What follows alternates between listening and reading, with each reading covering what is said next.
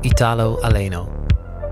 Ik ben Ed Bahoni en dit is Edcast, de muzikale podcast over mijn avonturen in een klein dorpje in Zuid-Italië. Of het uitblijven van die avonturen, dat kan natuurlijk ook. Edcast Nove, met deze week een zoektocht naar de waarheid achter de moord op de heks Coletta.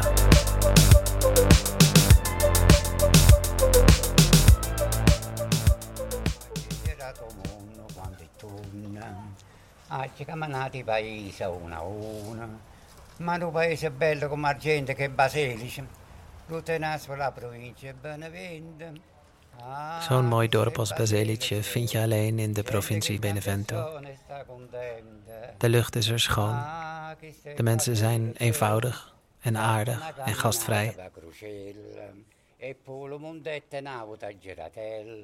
En je kunt gitaren en mandolines horen in de Via Roma. Zio Tommaso zingt, een stokoude man met een enorme neus. Uiterst traag schuifelt hij door de dorpstraat. Hij wil wel voor me zingen, omdat ik hem altijd netjes groet. Tegenwoordig groeten de jongeren niet meer. In de tijd van Mussolini was het verplicht om ouderen te groeten. Steunend op zijn paraplu schuift hij voor me uit door de nauwe steegjes rond de oude burcht. Hij wil me iets laten zien. Basilice laat zich niet makkelijk kennen. En ze hult zich in verhalen die allemaal mogelijk, zeker, absoluut, hoogstwaarschijnlijk zijn. Mijn verhuurder heeft me voor de bar centrale zien zitten met de ex-burgemeester Nicolo. Besef ik wel dat hij een bedrieger is, die iedereen om hem heen langzaam geld aftroggelt. En die jonge man die terugkwam uit Milaan vlak voor de crisis. Of was het toch Bergamo? Die heeft het hele dorp in levensgevaar gebracht. De levende kerststal, de trots van het dorp, is ten onder gegaan aan de pietluttigheid van Don Michele, de priester, die woedend werd als een herder was vergeten zijn Nikes voor sandalen om te ruilen of zijn horloge omhield. Of nee, het waren de jongeren die geen respect opbrachten voor de man en zijn ambt. Afstapje. Tommaso hoeft geen arm. Hij heeft zijn paraplu. Modesto, de eigenwijze boer van net buiten het dorp, heeft vijf jaar lang bij zijn koeien geslapen omdat zijn vrouw niks meer van hem wilde weten. Hier, in dat huis aan de Via Capuano, woonde een man die elke lunch drie pakken spaghetti had. In het dorp Pietrelcina, hier verderop, woonde Pater Pio, die over de hele wereld beroemd werd, omdat hij op twee plekken tegelijk kon zijn en omdat hij echt bloedende stigmata op zijn handen had. Maar in de plaats waar zijn klooster stond, San Giovanni Rotondo, zijn nog mannen in leven die op zijn nachtkastje bebloede spijkers hebben zien liggen. In Basilice stond een heksenschool die in het hele land beroemd was, maar niemand weet precies meer wanneer. En dan Coletta. We zijn ondertussen aangekomen bij het doel van onze schuifeltocht. Het huis van Coletta. Maar juist hier, waar het verhaal van Zio Tommaso zijn climax zou moeten bereiken, zijn er kapers op de kust. Twee andere oude mannen mengen zich in onze kweesten. Ze wijzen op het muurtje waar ze zo net nog op zaten. Daar is ze vanaf gevallen, zo het ravijn in. Ze had niets, geen schrammetje. Onrustig snuivend probeert Zio Tommaso het gesprek de baas te blijven. Ze sprak een vloek uit over een baby. Nee, ze maakte jonge kinderen ziek. Ze verloren al het vlees op hun botten, vel over been, letterlijk. Een woedende vader verzon een excuus en nam haar mee naar de grotten van San Giovanni. Daar is ze vermoord. 60 jaar geleden. Nee, langer geleden. 70 jaar geleden. Meer dan 80. Hier woonde ze. Nee, hier verderop. Kijk, die garage. Daarachter, daar was een klein kamertje. Daar woonde ze. Haar dochter is het mooiste meisje dat dit dorp ooit gezien heeft. Ze leeft nog. Ze woont in Lucera. Nee, ze is al lang overleden. En of we het verhaal van de Podesta kennen. De afgezant van het fascistische regime. Daar woonde die. Als een meisje uit het dorp trouwde, moest ze eerst de nacht met hem doorbrengen. Ah, er is me nog een liedje binnengevallen. Zal ik het voor je zingen? Wacht, luister. Le ragazze moderne son tutte civette, seguono i giovanotti. Gestimuleerd door mijn aandacht. Misschien meer aandacht dan hij in jaren gehad heeft. Zet Zio Tommaso nog een oude hit in. Iets over moderne meisjes die net als uilen zijn, zoals er de jonge mannen achterna zitten, met rokken tot op hun knie. En als je naar ze kijkt, dan worden ze gek. Na al dit oude mannen gepraat en gezang, geef ik graag Alessia het woord. Een charmante 26-jarige geologe, die met haar krachtige en geduldige oma als inspiratie en haar van oorsprong Duitse moeder als bondgenoot de strijd aanbindt met de mannen die al te lang hun liedjes zingen over de vrouw in het dorp. Tot haar verdriet is haar oma al tien jaar geleden overleden. Maar ze herinnert zich hoe ze haar vertelde dat Coletta een doodnormale vrouw was die niemand kwaad deed. De zieke kinderen werden haar in de schoenen geschoven en dat werd haar dood.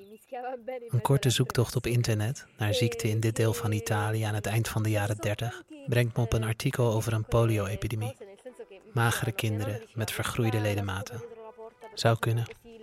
Arme Coletta. Ik vraag aan Alessia wat ze zou veranderen als ze één klein ding mocht veranderen in het dorp. Zonder nadenken zegt ze. Tishika. Dialect voor men zegt, er wordt gezegd. Dat is de manier waarop dorpelingen hun roddels verspreiden. Ik hoop dat ik er met mijn verhalen en liedjes niet aan meedoe. Maar ik weet het niet zeker. Ik luister naar je verhalen over vroeger en vandaag. In langzame spiralen. Zeker weten, hoogstwaarschijnlijk, allemaal waar.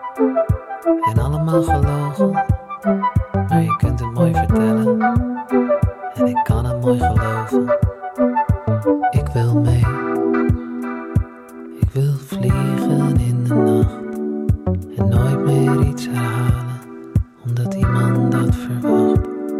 Ik hoef echt niet te begrijpen dat het waar is en bedacht. Steeds een stukje verder.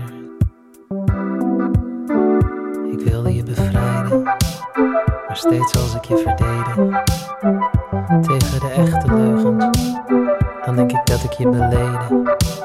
Dat ik je saaier maak en liever, dat ik je mooier maak en schoner. Veel minder gevaarlijk en ook een stuk gewoner. Ik wil met je mee. Vliegen in de nacht en nooit meer iets herhalen, omdat iemand dat verwacht. Echt niet te begrijpen dat het waar is en bedacht. En elke keer